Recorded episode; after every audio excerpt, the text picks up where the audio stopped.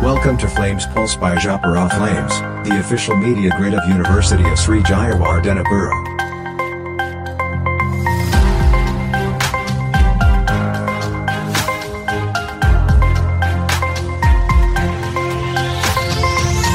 ශ්‍රී ජයවර්ධනපුර විශ්වවිද්‍යාලය නිල මාධ්‍යක කියවන චප්‍ර පලේම්ස් ඔබ වෙත ගෙනන පලේම්ස් පල්ස් වැඩසටහනේ පස්වෙනි එපිසෝඩ් එකත් එක්ක තමයි ඔයාල එකතු වෙලයි අද වැඩසටහනට මාත්‍යක එකතු වෙනවා කාංචන. අයිබෝවන් කාංචන. අයිබුවන් කවින්ද? ජපුර පලේම්ස් අපි නිතරම තෝරගත්තේ අපේ යාලුවන්ට වැදගත් වෙන මාතෘකාවන් ගැ අදත් අපි ඒවගේ සුවිශේෂී මාතෘකාවක් තමයි පෙට්ටිසරහන්න තෝරගත්තේ. කාංචනා ඒගෙන හැඳින්වීමක් කරු ඕ කවින්ද. කවින්ද කිව්වත් වගේම අද අපේ අපේ මාතෘකාව විදියට තෝරගත්තේ බොහොම වැතගත් ඒවගේම කෘතුහලය පිරුණු මාතෘකාවක් ගැන. ඒ තමයි මිත්‍යාජීවීන් එහෙමනැත්නම් මිතිකල් ක්‍රියේචස් කවිද දන්නවද මිත්‍යාජීවින් කවුද කියලා? තමන්නෙන් අදහසක් තියෙනවද? ඕ සාමාන්‍යින් මේ මිත්‍යාජීවින් කියලා අපිට මුලින්ම ඒ වචන ගැන පැඳින්වීමක් කරොත් ඇත්තරම මේ ඔය පුරාවුරුත එක්ක වගේම චිත්‍රපට පොත්පත් එක්ක අපට හුවෙන පියවියසින් නොදුටු ජීවත් වූවායයි සැක කරන සත්තුන් තමයි ඒ විදියට හඳුන්නන්නේ ඉතින් කාංචනා වැඩසරහන ඉදිරියට කරගෙනයම් ඕ කවින්ද. කවින්ද කිවත් වගේ විත්‍යා ජීවින් කියල කියන්නේ සැබෑ ජීවිතය අපි නොදකින අද්භූත ජීවින් කොට්ටාසයක් මිත්‍යා ජීවින්ගේ තියෙන විශේෂත්වය තමයි මිත්‍යා ජීවින්ට තියෙනවා අසාමාන්‍ය හැකියාවන්. අප සාමාන්‍ය වහරදි කියනව සුප පවස් කියලා. ඉතින් අද අපි කතා කරන මිත්‍යා ජීවීන්ට මේ කියන සුප පවස් හොඳටම තියෙනවා. අපේ කතාවහේදී අප අහඟින්න අපේ ආදරණයන්ටත් දැනගන්න පුළුවන් වේ මොනවද අදක් මේ කතා අද්භූත ජීවීන්ට තියෙන විශේෂ හැකියාවන් කියලා. ඔවු කාංචනා. බොහෝ ප්‍රමාණයක් අත්භූත ජීවින් අතරින් තෝරාගත් ජීවීන් කිහිප දෙනෙකු පිළිබඳ අපේ යාළුවට වැදගත්ම තොරතුරු දිරිපත් කරන්නයි සූදානම් වෙන්න. ඉතින් අපේ ප්‍රවේශය විදිහට වැදගත්ම මිත්තිකල් ක්‍රීචස් කෙනෙක් තෝරගත්තොත් ම හිතනවා එක සුවිශේෂී වෙයි කියලා. කවින්ද. කවින්ද හැරිපොට බල්ල තියෙනවනේ ඕ හැරිපෝට නොබලපු කෙනෙක් මේ වෙන කොට නම් මම ඉන්නා කියලා විශ්වාස කරන්න කවින්ද හරි. මම දැන් කියන්න යන මිත්‍යා ජීවය ගැන තොරතුරු අහත්දී වට තනිවාරෙන්ම හැරිපොට කතාව මතක් වේද කවින්ද? හැරිපොට කතාවේ මැජික් යශ්ටිය මතකයිද? අනිවාරයෙන් අනිවාරයෙන් කාංච නම්පද මැදික් යෂ්ටිය අපිට තිවුණනම් කියලා කොච්චර අපිට හිතිල තියෙනවත් ඔවු ඉති මම මේ කතා කරන්න මැජික් යෂ්ටය ගන්න නෙමෙයි. හැබැයි මේ මැජික් යෂ්ටිය හදල තියෙන්නේ අද මම මේ කියන්න යන මිත්‍යා ජීවියගේ. ඇත්තරම කිව්වොත් මේ පක්ෂිය ඒ පක්ෂියගේ පිහාට මැදි කරලා. ඉතින් දැනටමත් ඔයාල දන්න ඇති මම මේ කතා කරන්න යන මිත්‍යාජීවිය කවුද කියලා. ඒ තමයි පීනික්ස් බර්ට් පීනික්ස් බර්ට් කියල කියන්නේ සදාකාලික මරණයකට පත්වෙන නැති ජීවියෙක්. මෙයාක තියෙන විශේෂත්වය තමයි කවින්ද වයිසට ගියහම තමන් විසින්ම තමන්ගේ ශරීරය ඉනි ජාලාවකින් අලු කරගෙන දැවී කිය අලුවලින් අලුත් පැටයකු විදියට නැගී ඉන්න එක. ආංචන අද මේ අපේ වැඩ මට ඔය කියාගෙනකට මතක් වෙන ද අපේ ජපුර පලේම්ස් ලාංචන සංකේත විදිහට යොදාගන්නත් මේ පක්ෂයනේද කවින්ද හරියටම හරි. කවින්ද හොඳ අවධානකින් ඉඳල තියෙනවා. ඇතරම අපේ ජපුර ෆලේම්ස් ලාංචනය ඉන්න මේ කියන පිනික්ස් බට්ම තමයි. ඉතිම කවින්දට කියන්න හැත්තුවේ කවින්ද පිල් කතාවට කියනවනි සාමාන්‍යයෙන් ජීවිත සමහර තැන්වලදී අලුගස්සාදාර නැකිටින් ඕන කියලා. මට හිතෙන්නේ මේ කතාව එන්නත් ඇතිම පිනික්ස් බට් නිසා වෙන්නත් ඇති. අපේ ජීවිතයට ගොඩක් දේවල් එකතු වෙන නැත්තන් ජීවිතයට මේ වගේ වචන එකතු වෙන සුවිශේෂී ජීවී කොට්ටාශයක් තමයි මේ මිතිකල් ක්‍රීජස් වලද අපි පාලනයට තෝරගත්තේ. මේ සත්‍යයගේ විශේෂතා ගැන කතා කරොත්තක්කි බට් මිත්‍යා කතා අනුව විවිධ හැදයන් සහ වරණයන් මේ පක්ෂයාට තියෙනවා. ඒ වගේම ඔසර පන්දාහකට ආසන්න කාලයක් පිනික්ස් බට් ජීවත් වෙනවා. කතා කරත් වගේ මේ පිනික්ස් බර්ඩ්ගේ තියෙන සුවිශේෂත්වය තමයි පිනික්ස් බර්ඩ් ගස්ත කරන්න පුළුවන් ඉතාම බලවත් මායාකාරයන්ට විතරයි. ඒ වගේම ඒ විදියට ගෘහස්ත කරන පීනික්ස් කුරුල්ලා තමන්ගේ සාමයාට ඉතාමත් පක්ෂපාතීත්වයක් දක්වනවා. ඒ පක්ෂපාතීත්වය කොයි තරම්ද කිව්වොත් තමන්ගේ සාමයා මිය කියොත් පීනික්ස් තවත් සාමයකු ළඟට යන්නේ නෑ. අපි කිවනේ කවින්ද මුලින්ම මේ මිත්‍යා ජීවීන්ට සුප පවස් තියෙනව කියලා දැනගන්න කැමතිද ෆිනික්ස් බර්ට තියෙන සුප පවයක මොකක්ද කියලා ඔවු අපේ යාලුත් බලන්ඉන්නේ මේ සත්වයන්ගේ විශේෂතයන දැනගන්නන. හරි කාංචනා කියන්න බල ඔව කවින්ද. ෆිනික්ස් කුරුල්ලගේ කඳුළුවලට සුව කිරීමේ බලයක් තියෙනවා. ඒ වගේම මේ වර්තමානය වෙද්දී බිහිවුණු ඇතැම් ගීතවලත් ෆිනික්ස් බර්ඩ් කැන සඳහන් වෙනවා. කවිඳ බලන්නක මම කියන ගීතය කවින් හල තියෙනවද කියලා. හිත හදන් අලුගසන් මම්මරන් ඉපදියන් ෆිනික්ස් කිල්ලී. ඕ කාංජනම් මේ ගීතය ගායනා කරන්න මගේ මතකයට අනුවනම් සචිත් ඒක නායක තමයි කවින්ට හරියටම හරි. ඉතින් මේ වගේ බොහෝ ගීතවල ෆිනික්ස් කිරිල්ලි ගැන තොරතුරු ඇතුළත් වෙනවා. හොඳ ආරම්භයකින් වැඩසට හන පටන්ගත්තු අපි දැන් සූදානම් වෙනවා තවත් විශේෂ සත්පයෙක් පිළිබඳ තොරතුරු දිරිපත් කරන්න. කාංචන මං මේ පටන් ගැනම වෙනස් ආකාරයකට ගන්න හිතුවා. වාක් විද්‍යාඥයන්ගේ මතයට අනුව මේ සත්වයාගේ නම එකතු වෙන්නේ දහතුන් වැනි ශතවර්ශයේද ඒ පැරණි ප්‍රංශ භාෂාව ප්‍රංශ භාෂාවට ඒ සත්වයාගේ වචනය එන්නේ ලතින් භාෂාවේ තියෙන ඩ්‍රෑකෝනම් කියන වචනේ. තකට මේ අර්ථය තමයි විශාල සර්පයක් කියන තේරුම්. එතකොට මේ මේ ගැන කතා කරන්න මුලින් කාංචනට මොකක් හිතෙන ම කවරු ගැනද මේ කතා කරන්න? ඩ්‍රෑගෝනම් ඩ්‍රෑගෝනම් එහෙනම් මේ කතා කරන්න ්‍රකන් ගැන. මංහරින හරි කාංචන. ඔය හරිටම හරි. ඉතින් අද දෙම්ම කතා කරන්න යන්නේ මකරු ගැන තමයි ගිනිජාල්ලා මිකුත් කරන අපි බිහිසුණු සත්්‍යයක් විදිහට ගැනෙන මකර ගැන තමයි තොටුතුරිති පත් කරන්නේ. මේ කාංසන දැ මකරු ගැන කිවහම ගොඩක් අපට මකරුන් හම්බ වෙලා තියෙන මේ මකරුන්ගේ ඉතිහාසය බලනකොට ප්‍රධාන විදිහටම කොටස් දෙකට මේ මකරුණු වෙන්වෙන එකක් තමයි දරුණු සත්්‍යයක් විදිහට ගැනෙන යුරෝපා මකර ඉවගේම බුද්ධිමත් සත්ව කොට්ටාශයක් විදිහට ගැනෙන ආසියාතික මකර කියන දන්න ආකාරයටම අපට හඳුරගන්න පුළුවන්. මං කාංචනාගේ මෙහිම ප්‍රශ්නය කාන්න හිතුවා. කාංචනා කොහොමද මේ මකරා කියන චරිතය මුලිම දැනගත්තේ? කවින්ද අපි පොඩිකාල බන්නවන කාටුව නිටස චිත්‍රපටි. මේ මේ කාටුවන් වල චිත්‍රපටි බල මේ ද්‍රග නිමත මේ මකර කියන චරිතය හම ප්‍රසිද්ධ චරිතයක්න ඕ කාංචන. අප යාලුන්ටත් මතක් කන්නත් එක් කිවොත් හෙම පොඩි මතක් කිරීමකටත් එක් හවට ට්‍රේන් ඩ්‍රගන් ඒවගේම ලෝඩ් of දරිං තාව ගේම් of ට්‍රෝන් මෙන්න මේ වගේ චිත්‍රපට රූපවාහිනි කතාමාලාවල අපිට මේ මකරුන්ගේ චරිත ගොඩක් හම්බවෙන අපි මතක් වෙන්නත් එක්ක උදාහර නැකිවොත්තේම ඇන්මෑන් බලකොටුවේ මෙල්කෝන් එල් සමුදා විනාශ කිරීමේදී උපකාරී වුණු කලැවරෝන් මේ කියන්නේ මේ ලෝකේ ජනප්‍රියම වෙච්ච මකර චරිතයන් කිහිපයක්. මේ මකරුන්ගේ ඉතිහාසය ගැනගත්තුත් එහෙම මේ මොනොහරි තොරතුරු ටිකක් දන්නවත කාංචන?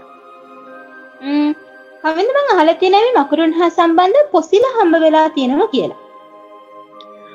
ඔවු කාංචන. වසර මිලියන හැට හයත් හැත දෙකත් අතර කාලයේදී වාසය කරපු පසු පස ගාත්‍රාවලින් ඇවිදින ඩයිනෝසරයන් වගේ සත්වයන්ගේ පොසිල හම්බ වෙලා තියෙන ඒවා පර්ේෂකින් නම් කරලා තියෙන අර මකරුන්ගේ ස්භාවය මේ මත තියෙන නිසා මඩ මකරුන් කියන නමි එතකොට මේ පොසිල හම්බ වෙලා තියන්නේ දැනට දකුණු චීනයේ ගැංචු කියන පලාතේ වගේම මධ්‍යම ආස්්‍යාවේ ගෝබි කියන කාන්තාරය ආශ්‍රී කරගෙන මේ පොසිල හම්බ වෙලා තියෙනවා.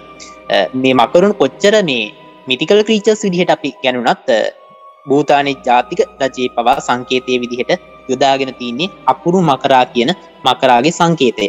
එතකොට මේ වැඩිපුරම මේ මකරුන් අපිට නම් හම්බෙන්නේ මකර තොරණ ආශ්චිතව බෞද්ධ ගෘප නිර්මාණ ශිල්පයත් එක්ක බෞද්ධ කලාවන් එක්ක අපිට හම්බ වෙන මක්කරාගෙන් තමයි අපි මකර කියන චරිතය අපිට ගොඩක්ම මේ හම්බ වෙන්නේ මේ චල බැයි මේ මකර කියන චරිතය එහිදන නිර්මාණය වෙන්නේ විවිධ සත්ව කොටස් වල එකතුවක් විදිහට. කාංචන මේ මකරු දැන් ඉන්නවා කියලා කිවොත් කාංචන පිළිගන්න මේ කියන දේවල් එක්ක මට වෙලාවකට හිතෙනවා මකරුන් අදටත් ඇත්ති කියලා. හැබැයි කමින්ද කියපු සමහරක් අසාමාන්‍ය දෙවල් ඇව්හාම මට හිතෙනවා මේක බොරුවක් වෙන්න ඇති කියලා. ඕ කාංචන දැන් ඇත්තරම පුත්තර ගිනි පිබින මේ මකරුණ ඇතරම නැහැ වර්තමානය. හැබැයි කාංචනා මේ මකර කියන නාමින් ඉන්න සත් දෙනෙක් ඉන්න මං දැනට මතක්කිරීමක් ඉදිරි කිවොත්වීම ඇමරිකා එක් ජනපදී නිල් මකරා කියලා ඉතා පුඩක් පක්ෂි වර්ගයක් ඉන්න වගේම එක්දහසම්සේ අසූ දෙකේදී ආරක්ෂිත සත්වයක් විදිර නම් කරපු මුහුදු මකරා කියන සත්තු කොටාශීන්න උන්නාන් ජීවත්වෙන්නේ දකුණු ඕස්ට්‍රේලියන් සාගර කලාපේ දැන් කවින්ද බොහොම ටිකක් දරුණු විදිය සතෙක් ගැන අපිට තොරතුරු ඉදිරිපත් කරේ මම දැන් ලෑස්ති වෙන්නේ බොහොම අපි කවුරුත් ආස කරන අපි කවුරුත් ආදරය කරන විද්‍යාජීවියෙක් වුණත් ඒ ආදරයෙන් ලබන ජීවියෙක් ගැන කතා කරන්න. ඉතින් මං ඊළඟට කියන්න යන්නේ පුරාණ කාලයේ ඉඳලම මිනිසාව පුදුමයෙන් පුදුමයට පත් කරපු ජීවියෙක් ගැන. ඒ තමයි යුනිකෝන් එහෙම නැත්නම් කඟ වේනා. කාංචනා පොඩ්ඩක් ඉන්න පොඩ්ඩක් ඉන්න මං අද මේ වැඩසටහරට එනකොට මම දැක්ක කාංචනා කීටක් එකක් කෙල්ලන්ගෙනවා අයිස්ටීම් එකක් නිකන් අර නාලලෙ ගහගෙන නිකන් අශ්වයග වගේ රූපයක් මට හිතෙනවා කාංචනම තෝරගන්න ඇත්තේ සත්‍යයම කියල. කවින්ද හරියට හරි. කවින්ද කිව්වත් වගේ මංගද මේ කතා කරන්න යන්න කංගවේනගේ නලලෙ තියෙනම ඔය කියන විදිේ සපිලාකාර හැඩයකින් යුතු අඟක්. කයිස්කෝන්න එකක් නෙම යෝක විල්ල අඟක්. ඉතින් කවින්ද කිව්වත්ගේ මෙන මේ සත්‍යයාගෙන තමයි දැම්මන් කතා කරන්න යන්න. ඉති මේ කංගවේන පාරිශුද්ධත්වය සංකේතයක් විදියට බොහෝ වෙලාවට හඳුන්වනවා. විශේෂම දේ තමයි කවින්ද මේ පුරාවෘත්තවලට අනුව මේ ඕනම කෙනෙකුට කඟවේනෙක්ව අල්ලගන්න බෑ. කවිද දන්නවත කඟවේනෙක්ව අල්ලගන්න පුළුවන් කාටද කියලා? මම අහල තියෙන විදිර ලංකාචනා මායාකරුවන්ටම තමයි ඔය වැඩි කරන්න පුළුව නෑ. කවින්ද මේ වෙලා විදනම් වැරදි. පුරාවෘත්තවලට අනු කවින්ද කඟවේනෙක්ව අල්ලගන්න පුළුවන් වෙන්නේ වනාන්තරයක තනිව වාසය කරන තරුණියකටම විතරයි හඟවේන ගැන කතා කරද්දී වේගයෙන් දුවන්න පුළුවන් අශ්වයකුට සමාන සත්‍යයක් කියල තමයි පුරාවෘත්ත වෙල සඳහන් වෙන්නේ. ඒ වගේම දැන් මම මේ කතාව කරගෙන යද්දී මේ මිත්‍යා ජීවෙන් ගැන කතා කරත්ම බොහොම ආස කැල්ලක් නෙමේ සුපර් පවර්ස් ගැන කතා කරන්න.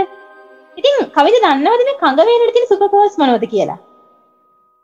ගොඩක් මංගෙන සුප පවස්නා ඇතිමකද මේ කාංචනට දැන් වැඩිපුර මට කැල්ලමට කැමති සත්තෙක්සම කාංචනට මවස්ථාව දෙනවා පයාලුවන්ට එක් කියන්න හරිකවිද දෙන මම කියන්නංකෝ ඉති මේ කංගවේනක අංග මායා බෙහෙත් හදන්න භාවිතා කරනවා. ඒ වගේම කංගවේනක රුද්ධිරයත් බෙහෙතක් විදියට යොදාගන්නවා. මේ රුද්ධිරය පානය කරහම මරණාසන්නයට පත්්‍යච රෝගයක පවා සුව කරන්න පුළුවන් කිය තමයි පුරාවෘත්තවල සඳහන් වෙන්නේ. ඒ වගේම කවින්ද මේක තින බිහිසුවමදේ තමයි කංගවේනෙක්ව මැරීම ශාපයක් කිරිදෙන කාරණයක් කියලා පුරාවෘත්තවල සඳහන් වෙනවා. ඔවු. දැන් අපි අද වැඩස්ටහනේදී අපි දැන් කාංචනා තෝරගත්තේ දැම්මේ ගැහනු ළමයි වැඩිපුරම ප්‍රිය කරන සත්වයෙක් නිසා මට හිතනවා දැ මේ අවස්ථාවේදී ඒ ආරයම යන තවත් අත්බූත ජනක ජීවිය ගෙන කතා කරන්න. මේ සත්‍යයත් ගෑනු ළමයි කැමතිම කියනවට වැඩිය නිකං සාමාන්‍යෙන් ලක්සන ගැහැන් ළමෙක්ගේ ස්වරූපයක් ගන්නවා කියන එක කිවොත් කාංචනට මොකක් මතක්වෙන් කවින්ද හම කියද මටනම් හිතන මේ කවරු කියන්ද කතා කරන්න යන්න කියලා. එත් කමන්න ඇති කවින්ද එතරන් ආසක කවින්දම කියන්නක.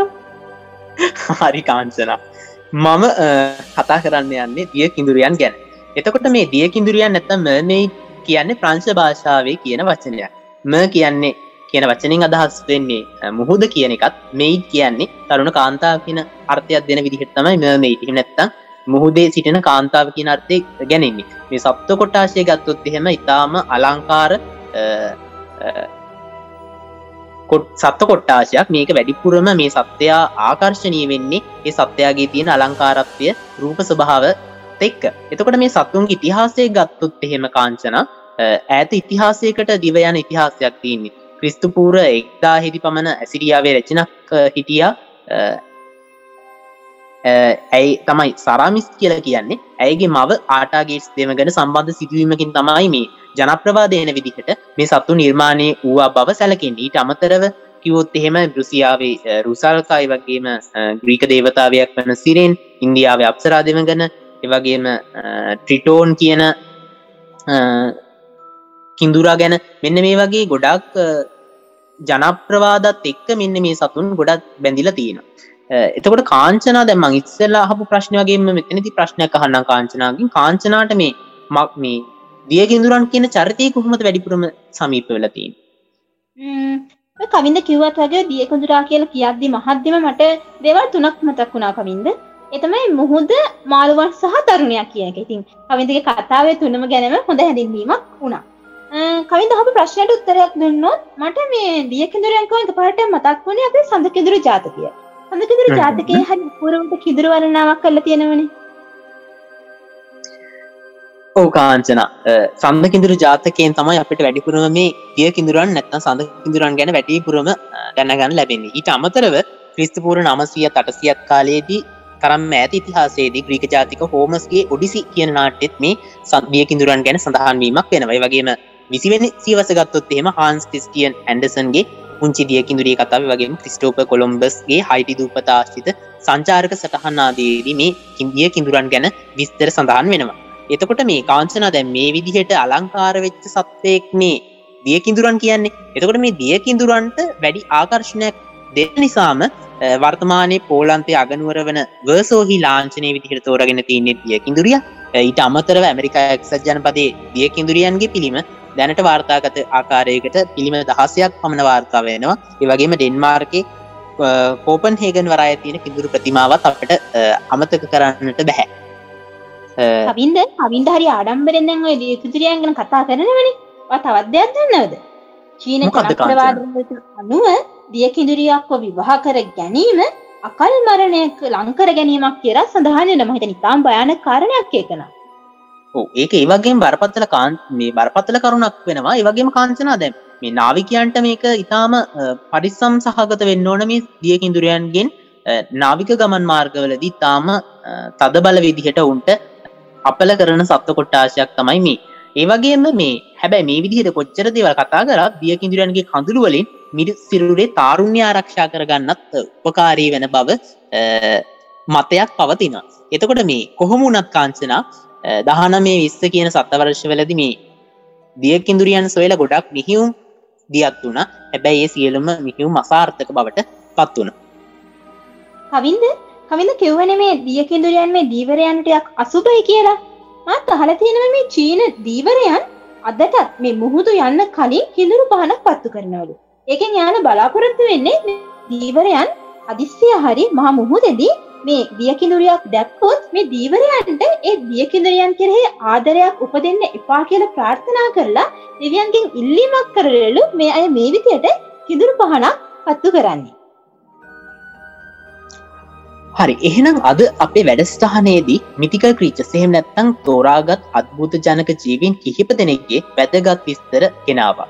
ඉතින් සමුගන්න වෙලාවත් ලං වෙලදී.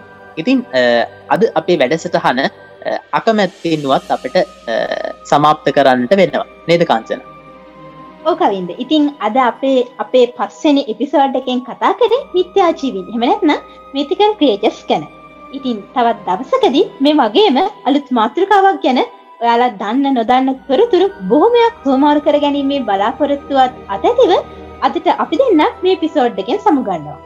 තවත් දවසකදී අලුත් එපිසෝඩ්ඩයකින් හමුවෙම. හමුවටම සුබ දවසා.